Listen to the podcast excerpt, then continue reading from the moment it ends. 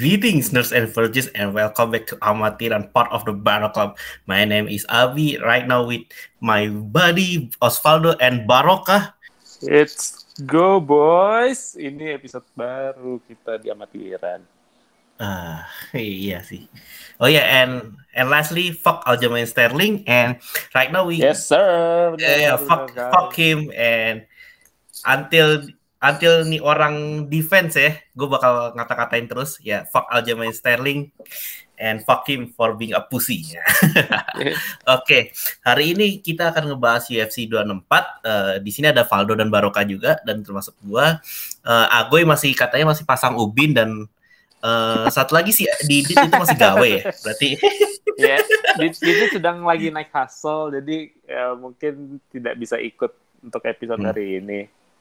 Yo, betul betul. Jadi uh, singkat aja untuk pre prelimsnya ini ada ada seven match, ada early, ada biasa. Yang early itu ada Jennifer Maya mengalahkan Jessica Ai dalam pertarungan yang cukup uh, dramatis dan berdarah-darah.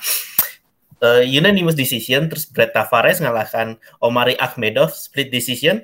Zalga Zumagul Zaga Zalga Zumagulov mengalahkan Jerome Rivera dengan submission. Lalu juga ada Driscus Duplessis, namanya keren sekali, di, mengalahkan Trevin Giles, Giles dengan KO.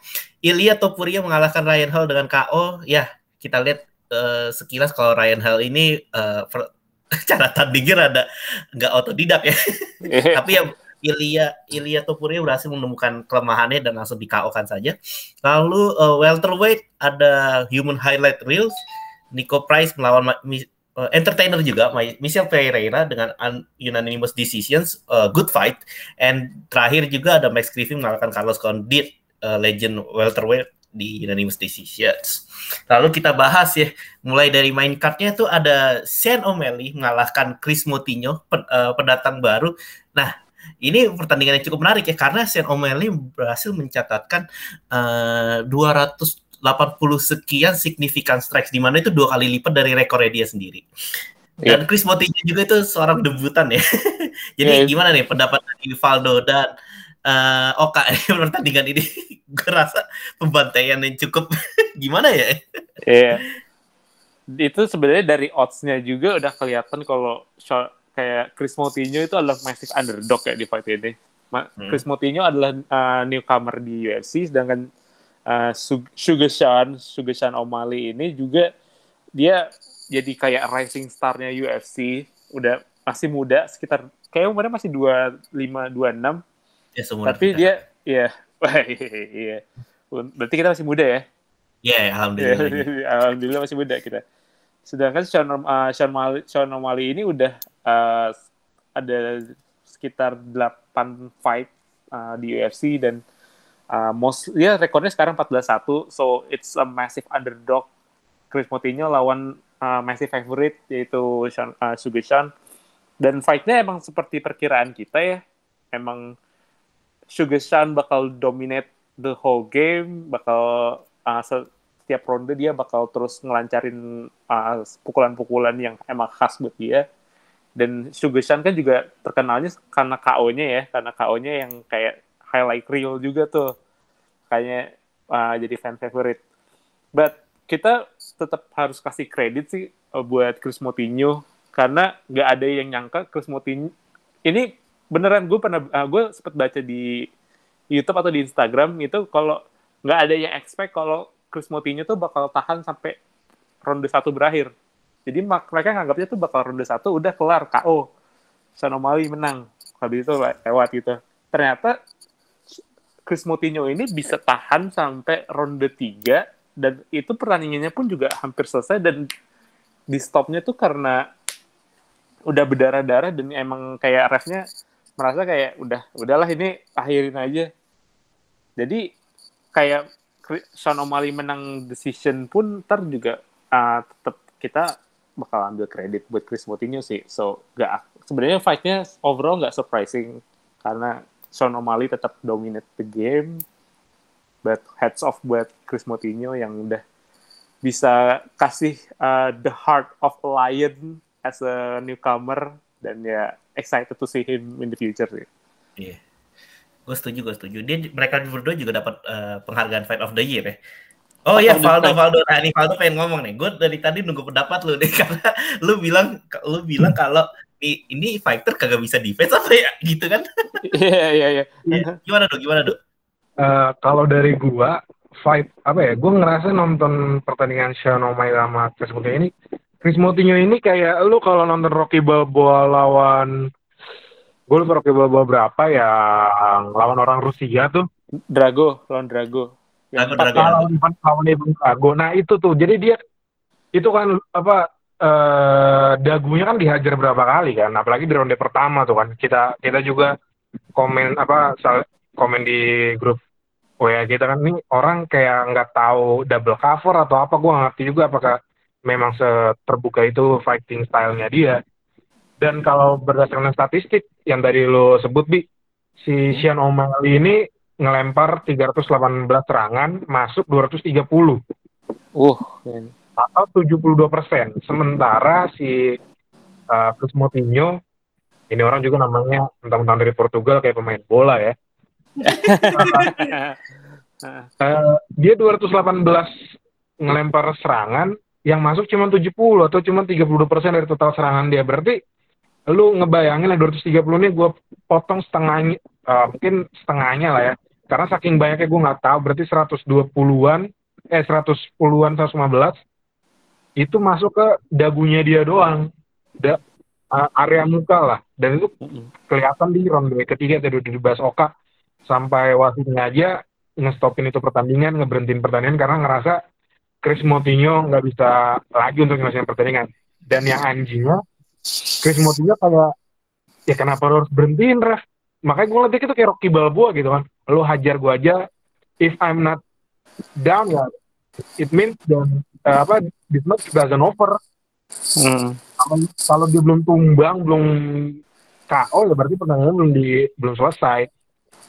Ya gue pengen nonton aja sih pertandingan Chris Moutinho ini selanjutnya kayak gimana apakah dia bakal belajar dari pertandingan ini untuk lebih bagus defense-nya? Karena kan Omel ini apa ya seperti ngajarin anak baru gitu kalau kalian sebut. Chris Muting ini pertandingan dia pertama Sean O'Malley udah lumayan lumayan senior. Bener-bener bener-bener ditatar gitu pertandingannya. Kalau ngeliat cuma statistik nggak seru pertandingannya tapi kalau ngeliat pertandingannya tadi gue suka sih. Meskipun kesannya kayak dibantai tapi karena Chris Moutinho nggak tumbang pertanyaannya jadi terus iya yeah, iya yeah, agree, agree. Ya jadi uh, gue juga sih to be fair juga Herb Dean juga tuh berhentiin pertandingan karena ya ngerasa emang udah nggak bisa ngebales terus juga nyelamatin karirnya juga sih. Iya yeah, sebenarnya kan gitu kan. Iya yeah, Mercy stoppage sih jadi Iya bersih stoppage. Tapi ya gue juga jujur aja kalau ngeliat Chris Moutinho dia tuh mungkin uh, di poles dikit bisa lah. Maksudnya ya bisa sih buat ngalahin Cody Garbrandt sih sebetulnya di bantamweight. uh, ya gitulah ya.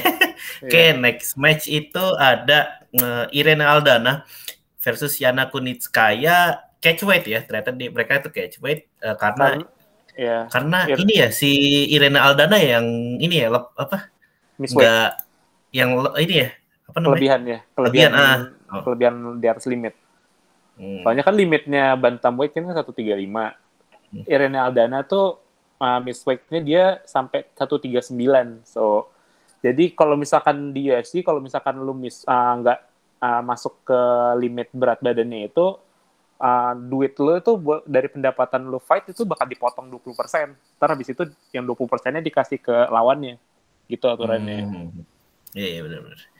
Oke, okay, uh, oke okay, kita lihat uh, yang menang Irene Aldana uh, TKO first round. Uh, jujur aja sih kalau gue ngeliat pertandingannya emang uh, agak berat sebelah sih sebetulnya.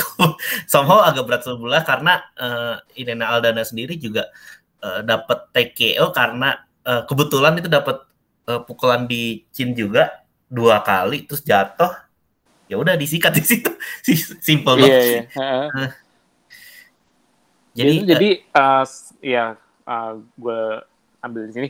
Jadi tadi itu juga uh, Aldana langsung dapat knockdown dan langsung dikontrol dari situ juga. Udah langsung all Aldana semua itu uh, dan Kunitskaya tuh kayak kaget kayak pas lagi knockdown itu langsung nggak nyangka kalau dia langsung knockdown habis itu diserang di ground langsung sama Aldana dan akhirnya ya Aldana dapat uh, TKO tadi.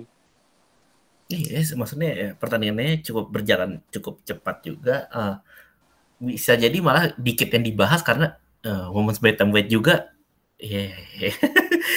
yang ya, megang juga ya you know lah ya ya bagaikan bagaikan dewa di atas manusia anjir itu mah ya makanya dan Kunitskaya kan juga sempat jadi korbannya Amanda Nunes tuh sempat jadi korbannya Amanda Nunes terus habis ini juga 265 itu Nunes juga bakal kedapatan mangsa lagi.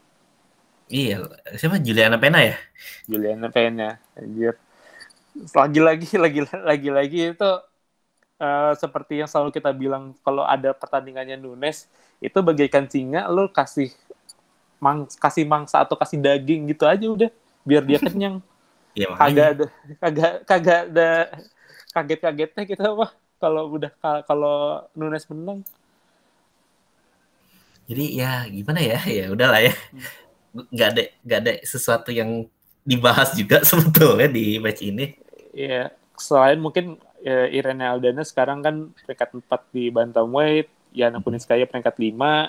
terus Amanda Nunes lawan Juliana Pena yang uh, weirdly peringkat 6 sih peringkat 6 peringkat satunya ah astagfirullahalazim Jermaine Durandami lah anjir. Bodo gue gue udah gue bodo amat sama Jermaine Durandami itu mah. Kayak champion gak legit terus orangnya banyak alasan.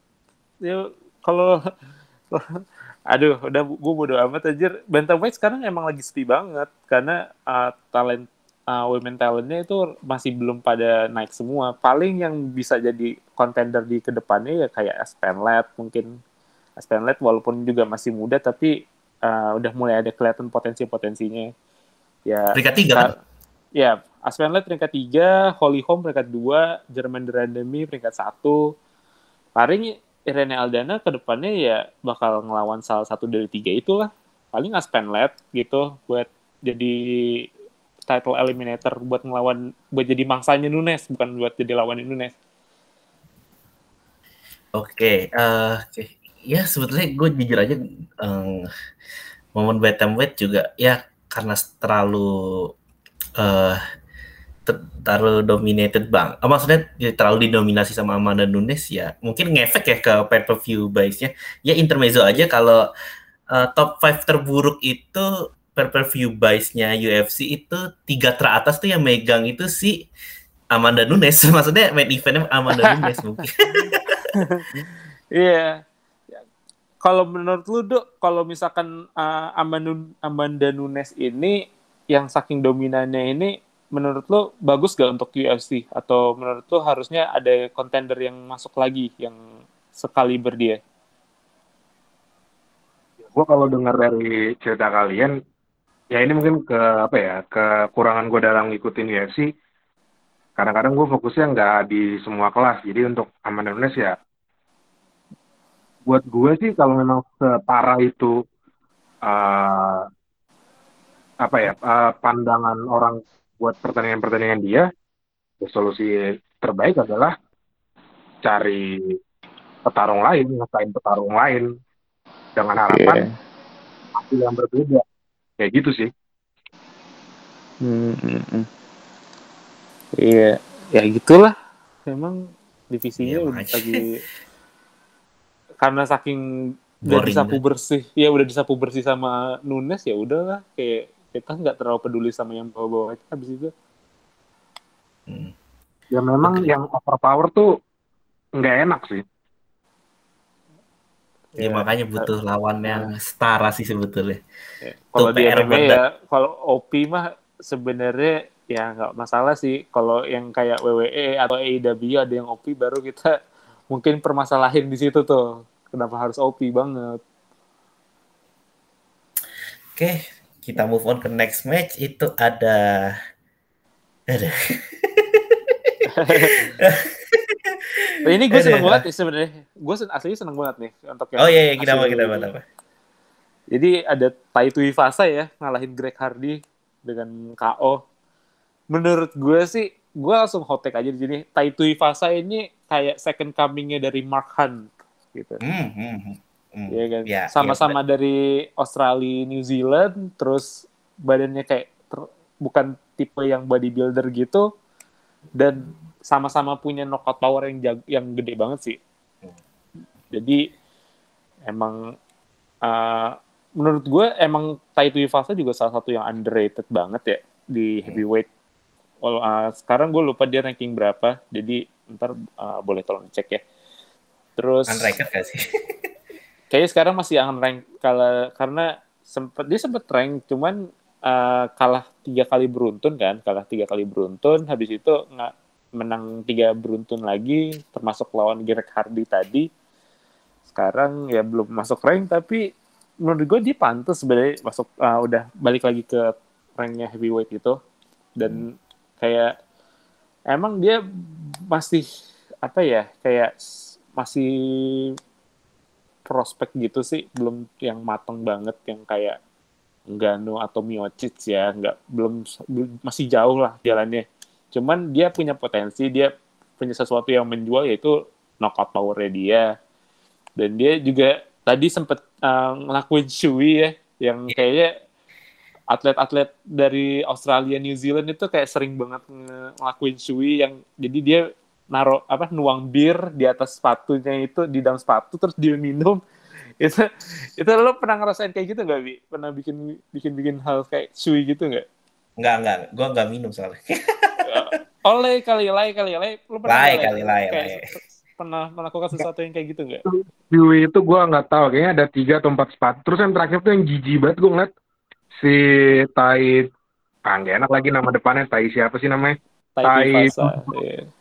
dia minum bir yang dilempar eh, yang dituangin dari penontonnya yang lumayan tinggi gue ngeliat ini orang agak agak agak lah ya buat gue dan untuk minum sesuatu dari sepatu lo lo harus cukup mabok sih Oh. buat gue kalau untuk ngelakuin hal yang kayak gitu lo harus mabok parah sih dan itu tentu di luar kuasa lo alias ya kalau nggak lo dikerjain temen ya lo ngelakuin itu tapi udah mabok parah sementara dia kan karena euforia dia habis menang kan padahal Iya. lawannya gua gimana ya? dia si Greg Hardy ini udah ngelempar satu jab yang lumayan buat gua. Udah telak ya. tapi kayak langsung dari tadi Tsubasa ini langsung bikin dia tumbang. Menurut gua Greg Hardy masih hijau sih. Jadi ya dengan potensi gitu dia langsung tumbang. Padahal Dadan lebih lebih bagus lebih, lebih proporsional Greg Hardy kan. Cara dia mantan atlet uh, NFL. NFL iya mantan atlet NFL posisinya pun defense berarti lebih seharusnya lebih tahan banting menurut gua Kalau Iya gue sih. sih ngeliatnya ya Greg Hardy itu kan masih bener-bener hijau ya, green banget dia. Dia termasuk rookie-nya di UFC.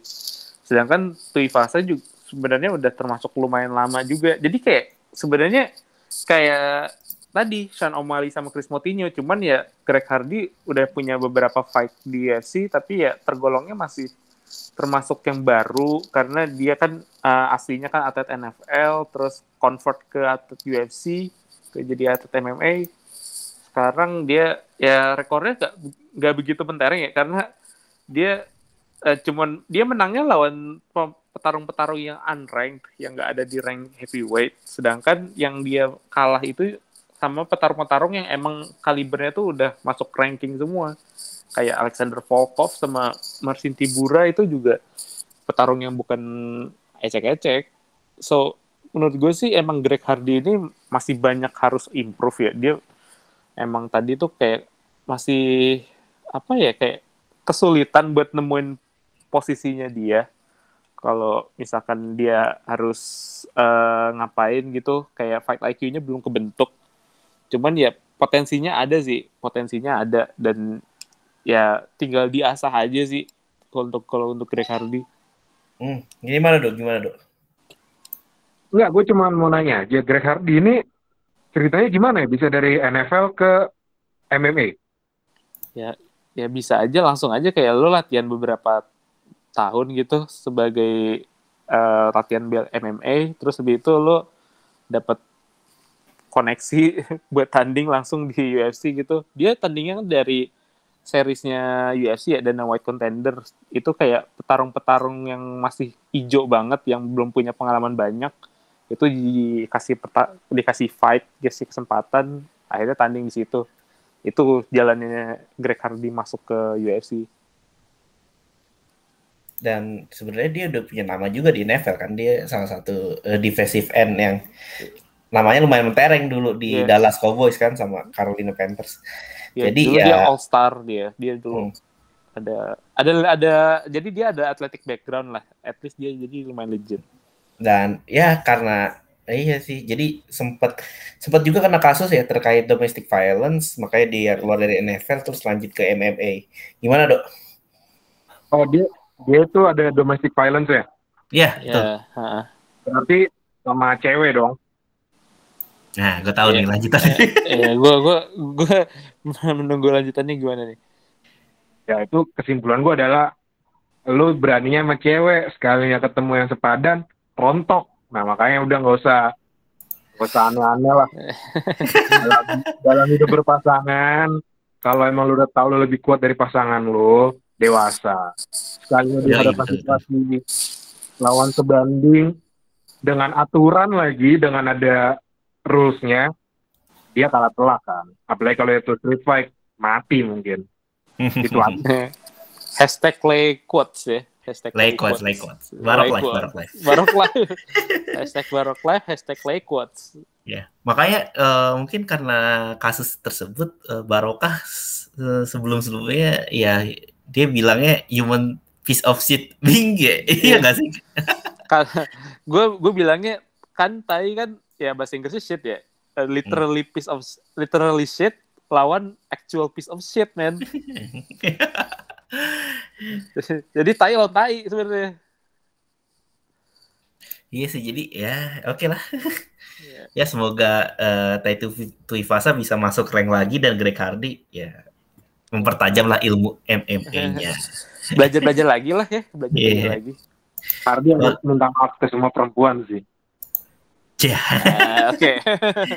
Oke, mungkin jangan sampai ke situ-situ lah. Oke. Okay.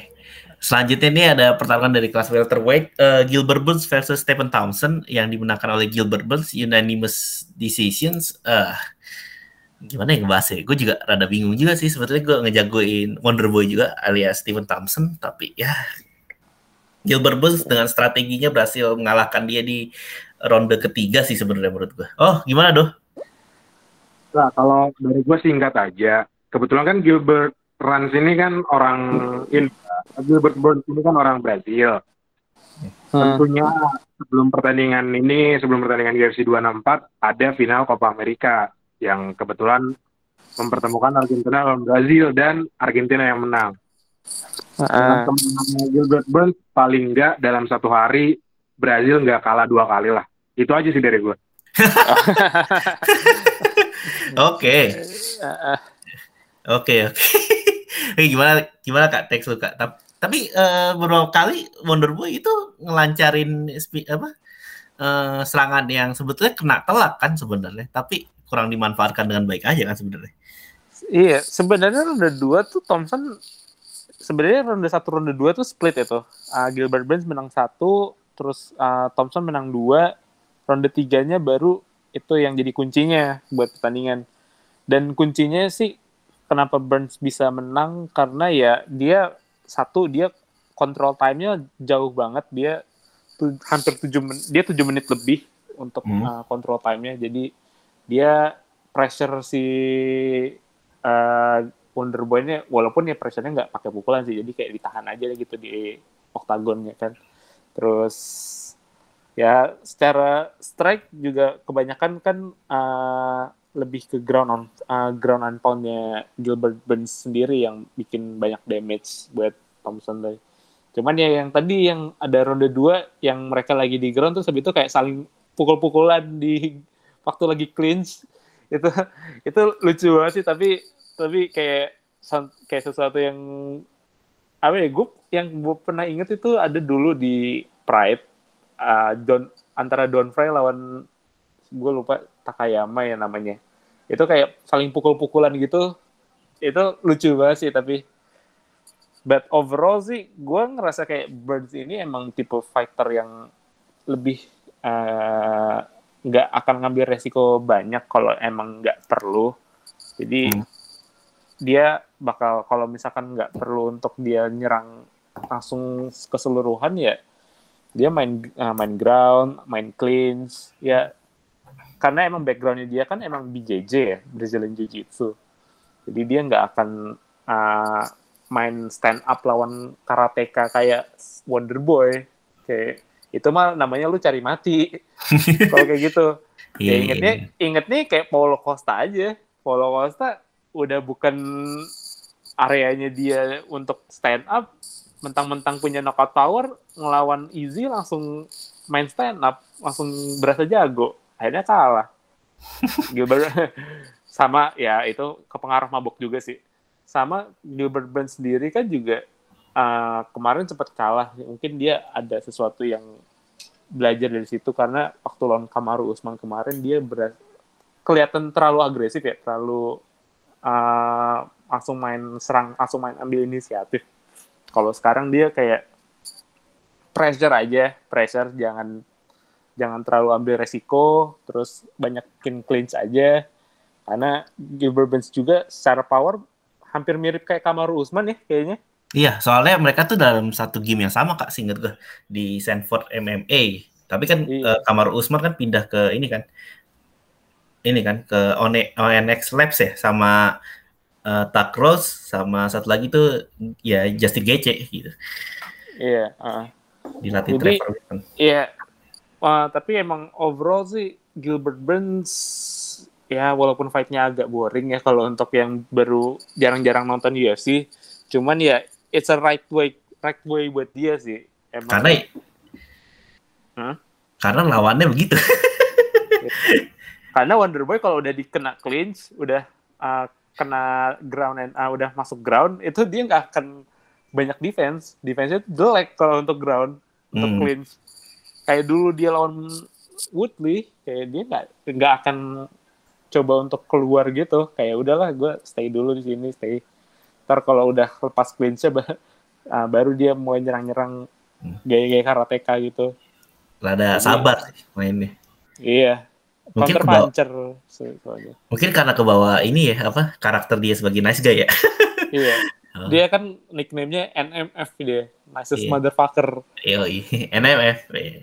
yeah, oke okay, uh, selanjutnya gue pengen bahas dikit ini kan mereka kan dua uh, karena kebetulan dua-duanya ranked, gue mau bahas di selanjutnya ini what's next for uh, both of them. Jadi Stephen Thompson ini kira-kira bisa bertarung lawan siapa dan Gilbert Burns ini kira-kira harus uh, ngapain gitu maksudnya selanjutnya gimana? Simple gitu.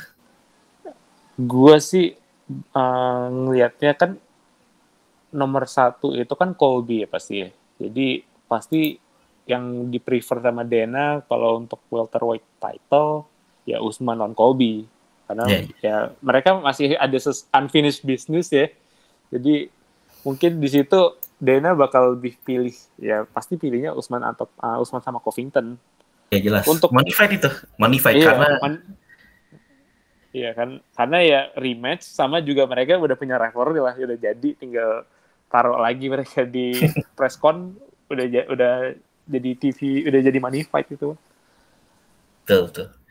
Gilbert Burns ya uh, gimana ya? Dia posisinya emang kayak jadi udah kayak nunggu aja sih.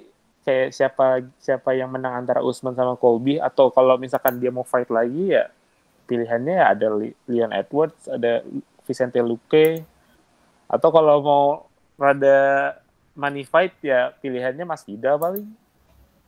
Hmm. How about Stephen Thompson? Kira-kira lawan siapa? dia jadi ini sih jadi palang pintu sih iya, iya. jadi portal tuh ya buat yang fighter-fighter yang lagi ngincer rank opponent buat ini buat naik peringkat paling ya kayak Belal Muhammad kan kemarin baru aja menang ya. Mungkin Hmm. dia mau coba ngelawan Wonder Boy gitu. Ya sekarang tugasnya Wonder Boy udah jadi kayak Cowboy Cerrone menang berapa kali terus ngelawan oponen yang lagi naik-naiknya kalah ulang lagi. Hmm. Sebenarnya kalau menurut gue sih Wonder Boy ini bisa jadiin pintu buat ini siapa Kamzat Chimaev ya.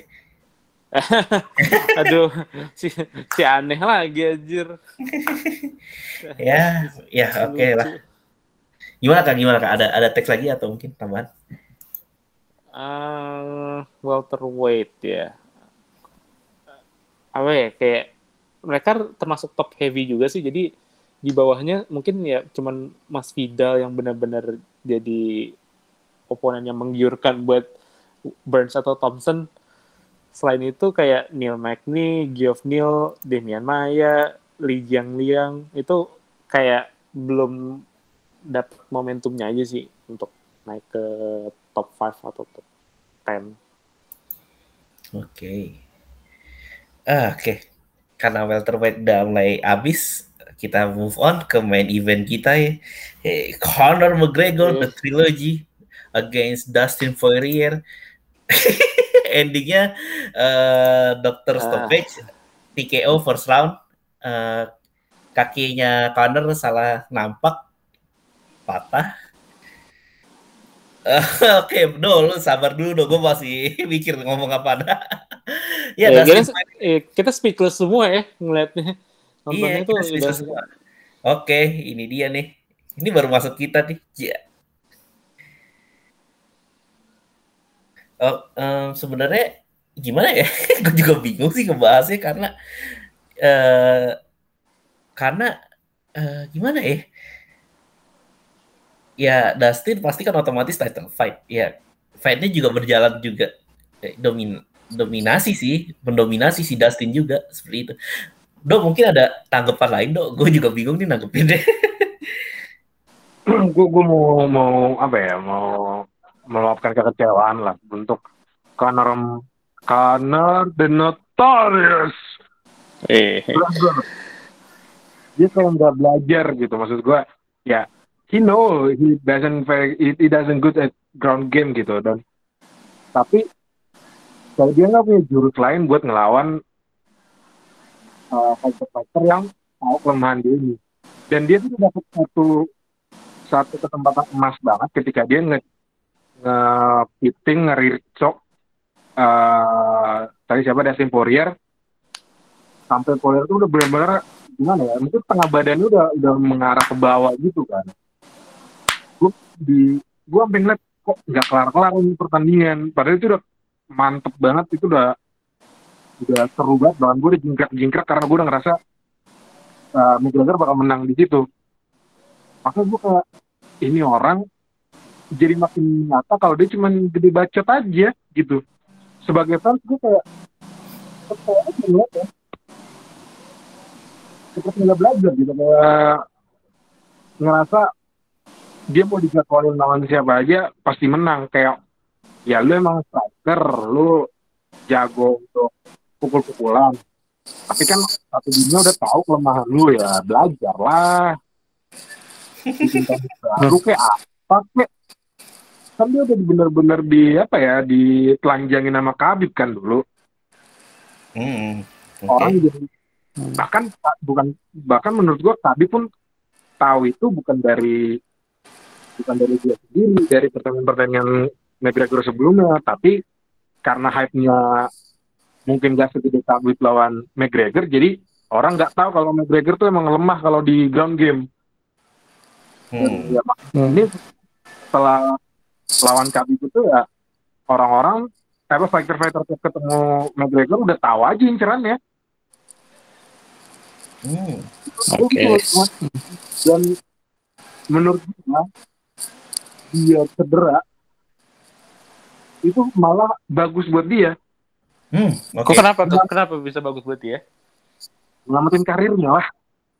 Jadi seolah-olah ma- orang masih beranggapan ya itu kan di uh, apa pukulan miss baru menuju ke cederanya McGregor itu kan kayaknya 20 detik terakhir kan ya, 20 detik terakhir ronde pertama. Kalau dia nggak cedera, dengan telinga yang udah berdarah, udah hancur buat gua. Ronde kedua mungkin 30 detik pertama dia udah udah habis. Dengan dia cedera, tajuk pertanyaan keempat jadinya digaungkan. Kalau dia itu habis uh, TKO, TKO gitu, udah habis karir McGregor di UFC. Udah nggak bisa ngomong apa-apa lagi dia. Hmm, konteks yang menarik ya. By the way, ah. by the way ini ada yang baru masuk nih, uh, kapten kita, Mas Agoy. Goy? Kapten Agoy. Kapten Agoy. Gimana Ubin ya? What up, what up? Oke, okay. udah nyampe main event Goy. Oke, okay, Jadi, event, jadi uh, Valdo bilang gini, uh, kalau sebenarnya si Connor nggak ini kakinya potek, uh, itu malah merusak karirnya dia. Bakal merusak karirnya dia karena pasti bakal disikat sama Dustin Poirier entah submission atau KO. Nggak ada salah-salahnya itu. Itu take yang paling benar kalau menurut gua. Oke oke oke. Ah. Itu blessing in disguise. Jadi dia masih punya alasan buat dia untuk continue fight. Karena gini, gue gak pernah lihat corner dibantai seperti itu ya. Lawan KB pun corner masih ada ngelawannya gitu. Ronde satu masih ada ngelawan, sempat ada pokoknya mesti menang beberapa ronde lah. Ini benar-benar straight up beating sih. Parah. Oke. Udah lo all talks no walk sekarang kalau Conor McGregor itu kalau dilihat mah parah. Nggak tahu sih penyebabnya apa ya. Udah hilang passion kali kayaknya, udah kebanyakan jualan wakas itu. Kalau aku bilang sih bukan kehilangan passion juga. Dia born as a fighter udah udah pasti kalau itu mau kalau passion mungkin nggak hilang cuma mungkin ada penyesuaian yang kurang berhasil kah atau masih proses penyesuaian dari gembel jadi orang kaya kan uh. itu kan biasanya juga take it stall tuh buat para figur-figur besar lah oke okay. do ada teks lagi do kayaknya lu tadi ngangkat tangan barusan apa bisa hancur ini menurut gua bukan kabit persoalannya hmm menarik Hah? Tapi kalau dia sempat-sempat ngambil tantangan Mayweather dulu. Betul. Floyd Mayweather yang rusak Conor McGregor. Iya, karena sebelum lawan Mayweather, gue lupa lawan siapa. Dia lagi di Alvarez. Eddie Alvarez, ya. Nah, lawan lagi di puncaknya itu. Dan sudah dijawab, udah apa ya? Lu kalau tetap di situ, tetap di UFC ya, uh, fine fine aja. Kalah ya nggak apa-apa. Tapi ketika dia dapat uh, lawan Mayweather, terima tantangan Mayweather, dan dia udah tahu konsekuensinya. Menurut gue ya, ya gue nggak terlalu lama sih nonton Mayweather. Tapi cuma di pertandingan itu Mayweather berani nampol orang, menurut gue. Ya, berani main ofensif, betul. Yeah, betul. betul. Biasanya defense, Dari, defense all gitu. Dari sekian lama dia main ofensif lagi, benar. Nah itu pas ronde ketujuh udah uh, McGregor udah udah capek. Gara-gara lawan Mayweather lah McGregor hancur. Emang gue nggak ngerti dia dia uh, tujuannya apa di situ ya apa emang ke ya, kelihayan uh, timnya Mayweather dalam bernegosiasi atau Duit lah. McGregor. Tapi intinya iya. setelah lawan setelah lawan Mayweather trennya turun aja McGregor ke situ ke ke sini sekarang. Ya. Enggak berapa defeat dari tiga kali kalah ya? Iya. Satu kali Kayak menang ya. Cuma satu kali menang, satu kali menang doang. Jadi, ya tanding aja, tanding aja jarang. Iya lawan retired fighter ya, menang ya. Iya, lawan opung sebenarnya hitungannya, jadi nggak terlalu count. Oh, don't disrespect cowboy like that, man. ya, ya udah. Cerrone bukan cowboy Cerrone tahun 2013, bos. Iya, bukan cowboy Cerrone yang mas baru masuk welterweight gitu, wah. Iya. Itu udah itu hitungannya chinnya udah rusak itu, udah bukan durable cowboy lagi. Kalau gue sih kayak, ah Hmm. Kalau gue sih ngelihatnya kayak ya bener sih. Jadi uh, entah kenapa emang Connor itu langsung trennya nurun banget. Entah kenapa, entah mungkin karena dia udah nyaman sama posisinya, dia udah dapat duit banyak. Sebenarnya ya benar juga karena uh, kalau misalkan dia nggak hiatus pas dua habis 205 dia menang lightweight title itu ya dia bakal tetap as sharp as ever. Ya dia bakal bisa lawan uh, Khabib bisa lawan Tony. Itu kalau 2016 itu selain Khabib Tony siapa ya? Pet ah masa Petis sih? Gue lupa. Kayaknya Poirier juga maupun itu belum sampai situ juga bisa juga rematch sama Alvarez 2016 ya, di Alvarez terus sama ini ke Max Holloway-nya lagi naik. Max Holloway lagi naik terus ya Tony Iya, pastinya Heeh, Tony Tony juga. Ferguson, Habib. Habib, Masih ada ya. Michael, Jo- Michael Johnson. aduh Michael Johnson sebenarnya hitungannya samsak juga sih Itu karena Netias juga yang dirus yang rusak. Udah ntar lah itu kita bahas lah. ya jadi ya emang kayak something yang hilang aja sih dari corner yang baru menang lightweight title sama yang corner yang sekarang kayak hilang the Tiger-nya udah hilang kalau kata Apollo Creed, Bos. Iya, udah hilang kayak sesuatu yang bikin dia lapar akan ini aja. Lapar akan Akhirnya udah nggak ada. That's it. Iya. Yang Conor McGregor harus lakukan adalah satu recover, dua pensiun dari Twitter, udah hilang aja dulu. Mention dari Twitter. Wajib banget pensiun dari Twitter. Ini L terbesar loh dalam seumur hidup gue nonton MMA beneran. L banget ini dari press conference sudah L, pas fight-nya L, endingnya L, post fight interviewnya lebih L lagi. Gila. Ini Ya, udah, right. beneran ngambil peran sebagai seorang pecundang di fight kali ini. Gila. udah mana pas di interview ini oke bentar dulu. Eh pas di interview ini kan pas lagi duduk gitu dia masih sempat sempatnya teriakin apa bininya Poirier aja lu udah kalah men.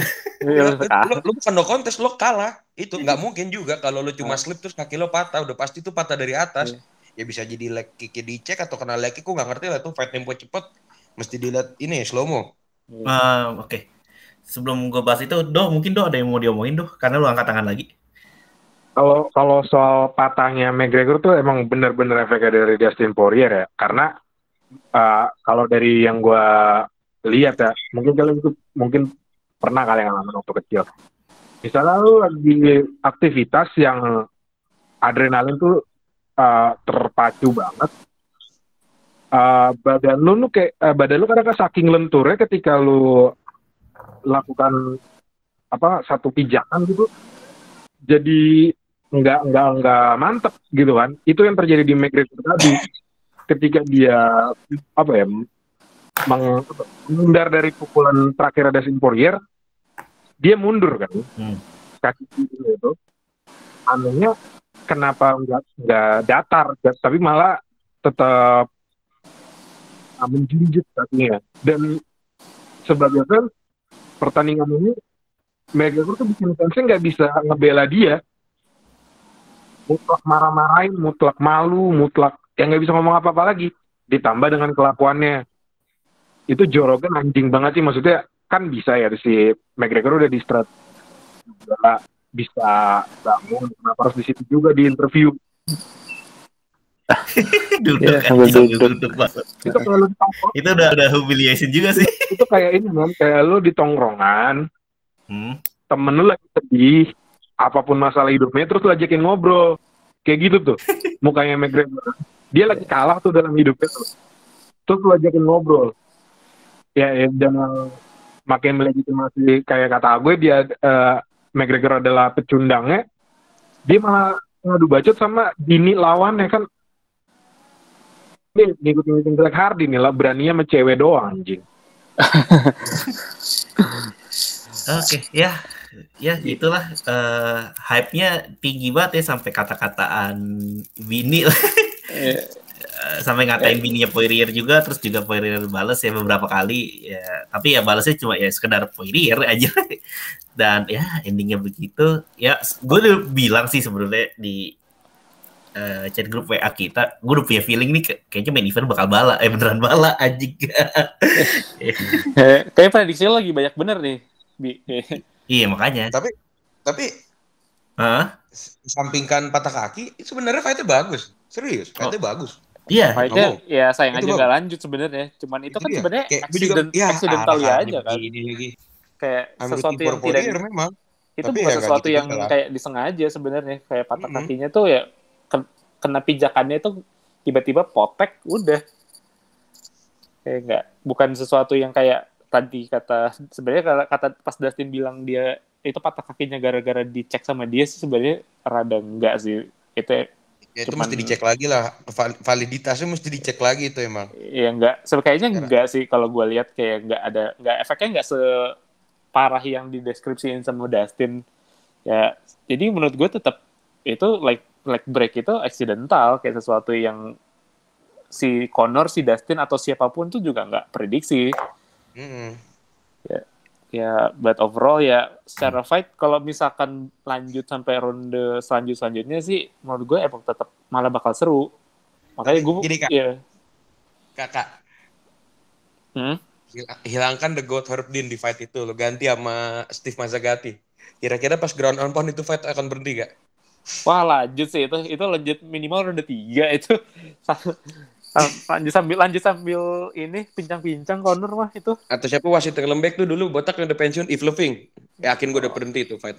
eh kalau itu Levine mah cepet langsung sikat aja Itu begitu buat ground and poundnya masuk kupingnya McGregor kena elbow tiga kali itu udah berhenti fight. eh, cepet Gaji, banget Lik. Asli. By the Ya way, by the way gue punya teks sih. Kenapa McGregor di ground itu sampah? Lu tau nggak? Teammate dia yang jago jiu-jitsu siapa? Paling jago jiu-jitsu. Ya udah, simpulin aja tuh siapa. si anjing si, si, si Dilong Danis anjir jago jago ya paling paling jago dia yang orang Itu BJJ jago, masuk hitungan jago. Ya, Kalau- gimana? Nggak ada yang ahlinya di situ lagi. Ahli dalam tanda Ya kutip. maksudnya ahlinya di situ kan cuma Dylan Dennis ya. ya makanya bakal makanya McGregor jadi sampah kalau di ground kan. Benernya timnya juga salah sih kalau gue bilang ya. Cuma ya coach Kavanak fine lah. Fine, sumpah. Itu nggak bukan pelatih jelek, itu pelatih yang bisa ngedidik, yang bisa bikin fighter jadi bagus. Cuma Nggak ada yang mandu dia untuk ground game sih sebenarnya. Nggak ada yang mandu corner misalnya juga nggak punya ground game tapi menang-menang aja kak. ya dulu dia kan emang background kickboxingnya emang dalam Nah. banget. Nah, Bukan itu kayak corner yang amateur boxer. Kalau corner itu kayak apa ya, karate stance kayaknya di MMA sekarang udah nggak kepake. Lo lihat lah Stephen Wonderboy Thompson tadi mak tadi dapat momentum cuma sekali. Hmm. Go-. Ya udah jadi apaan tahu sekarang. Iya. Ya sekarang corner lagi kayak gitu. Kayak udah, udah habis eranya karate di MMA kalau menurut gue ya. Hmm. Sekarang emang zamannya tuh ya harus lo harus well rounded di hampir semua area. Kayak ground lo harus bisa, clinch bisa, stand up bisa. Ya gimana? Udah beralih lah eranya dibandingkan sama yang zaman pas Lyoto Machida masih jadi masih prime prime-nya atau Shogun masih prime-nya. Kalau Beda sekarang sih sekarang. memang udah jadi sport ya MMA itu sendiri, udah nggak yang apa ya dibilang ya, udah nggak Udah nggak purely mar- martial arts sih. Jadi kayak udah bukan martial arts. udah masuk uh, athletic Sport sport, kalau juga. Sport banget. Oke, menarik sih. Tapi gue mau bahas nih selanjutnya nih. Ya kalau kita kan jelas ya, kalau Dustin Poirier ini pasti what's next-nya ya jelas ya Charles Oliveira kan. Iya, One betul. fight fight title jelas. Tapi kalau Conor McGregor, what's next for him? Maksudnya Operasi. siapa yang bisa jadi lawan dia selanjutnya kalau udah sembuh ya maksudnya? Dirinya sendiri dulu dilawan. Ya, re- rehab dulu lah kayaknya. diri Sendiri dulu aja udah. Pensiun aja dulu dari Twitter, pensiun dari Instagram. Fokus aja tuh sama si Proper 12 sama keluarganya mau McGregor fast. Nggak usah nanggepin orang. Nggak usah ngomong fight lagi udah. Ntar aja dulu. Ngilang aja dulu 5 tahun. Anjing lima tahun. Nggak mau balik-balik umur 37 udah mateng. Udah dewasa gitu, udah balik Dewasa. lagi ke humble corner. Mm-mm. Nggak usah humble Conor. Yang pertama-tama muncul dengan trash talk anjing itu juga nggak apa-apa. Malah lebih bagus. Cuma setidaknya lo udah lo hilang aja dulu lah. Nggak usah muncul ke permukaan bumi. Jadi nggak ada fight lagi nih yang perlu dibuat nih. Nggak ada juga. Nggak ada, nggak ada yang Ya. make sense sebenarnya. Jangan dipaksakan. Yang ada nanti Conor rusak. Ya Hmm. paling ya yang ben- yang at least ada sesuatu yang mungkin bisa dipakai di situ ya cuman siapa ya RDA masa kayak tadi sempet kayak kemarin-kemarin sempet ribut terus ya mungkin mereka kalau misalkan Conor udah sembuh ya bisa mereka match up cuman ya mas tetap juga nggak make sense karena RDA juga di bawahnya Conor Conor nggak mau kayaknya nggak mau tanding yang di bawahnya di Shia sih nggak mau jadi Iya. pintu Betul. jadi pintu gerbang Iya. Ya, sedangkan yang siap gedor pintunya, sorry. Yang siap gedor pintunya juga eh, somehow ya eh, technically wise itu emang lebih jago sebetulnya dibanding Connor. Kotek gue Iya. sih. Nah, Ah, tapi Fallen Champ juga, Bi. iya. Oh kenapa dong? Kenapa dong? Dong? Uh, buat gua, the one and the only way Conor to revive his career adalah Khabib comeback, Khabib call out dia, mereka rematch, Conor menang, Conor pensiun, udah itu aja. Tapi itu kayak nggak mungkin sih. Nggak mungkin. Nggak mungkin sih. Itu Nggak, lebih nggak nggak mungkin lagi dibandingkan lawan Lebih lebih gak mungkin lagi tuh. Khabib mah udah nyaman sama posisinya sekarang. Ya, Satu lagi juga bisa. Fight gila Iya aja sih. lawan Nick Diaz. Menang kalah belakangan yang penting seru. Oh Tapi iya. udah, level lo cuma segitu doang jadinya mentok. Lo cuma prize money fighter. Nggak ada lagi, nggak lebih. Lo udah bukan title contender. Lo udah bukan highly, highly rank. Jadi nasibnya ntar seperti Jorge Masvidal, Nate Diaz, Nick Diaz, Anderson Silva. Yang kayak gitu-gitu aja udah. Ya paling ya logisnya Ned Diaz trilogy akhirnya. Ya, trilogi Kalau- Nadia sih paling ya. Paling logis. Nate Diaz lawan Leon Edwards mainnya kayak gitu kemarin. Yang ternyata belum ada habis-habisnya. Masih tajam. Gue mah kalah lebih ragu mendingan Conor lawan Dustin Poirier lagi daripada lawan Nate Diaz. Anjir udah bosen pak, masa empat kali anjir. Udah kayak Fast Furious. Asli. Kayak udah kayak Fast Furious ntar sampai 9 kali ya. Bisa jadi. Ya susah. Dan White kan tipikalnya orang-orang yang wah gue udah punya anak emas. Ini jual ini selling point gue. Ya seperti zamannya siapa ya dulu ya? Siapa kan namanya kak? Ah aja Ah. yang sebelah mau Baker Mayfield tuh tadi. Apa? Iceman. Kenapa? Iceman nama aslinya. Eh, Chuck Liddell. Ah Chuck Liddell. Chuck Liddell. Ketika zaman Chuck Liddell dulu lagi naik-naiknya. Oh ini selling gue. Ah, apa-apa Chuck Liddell. Chuck Liddell terus. Chuck Liddell tadi kawo sama Rashad Evans kasih lagi Richard Franklin. Kasih terus fight gede. Wah ujung-ujungnya concussion. Ujung-ujungnya ujung-ujungnya cinnya habis itu. ujung-ujungnya Udah, saya kena- concussion ya. Udah yang penting duit gue datang gitu kan. Nah kalau misalkan McGregor nggak melakukan apa yang disarankan sama Valdo sama gue tadi, ya kurang lebih nasibnya akan sama nanti. Seperti Chuck Liddell. Atau seperti Anderson. Anderson sih pak. Diperah terus lo habis. Ya udah, mungkin udah jalan baiknya ya buat pensiun atau ngelawan Ned Diaz atau mungkin ya ketemu sama Khabib terus menang. Oke. Ya, gitu aja sih. Ya udah, menurut gue sih udah cukup lah ya ngebahas UFC 264 bagaimana nasibnya Conor seperti apa. Eh Ijo udah lo bahas belum Ijo? Wow, Ijo udah bahas Pak tadi Pak si Ijo. Udah tadi si Ijo udah Gua lagi tadi. ngebukang bukannya nungguin lo si Ijo. Aduh, idola baru gue tuh Ijo tuh. Eh, kenapa gue, kenapa gue? Hah? Lu kasih dua menit dah buat lu dah. Enggak, tapi itu ya, Ses, Ses. ini nggak bercanda ya walaupun Eh. fightnya ya respect lah respect. Ini orang gokil sih kalau gue bilang heartnya gede banget asli. Dia punya heart, dia punya will to survive, will to win itu tinggi nih bocah. Walaupun masih raw talent banget ya. Hmm.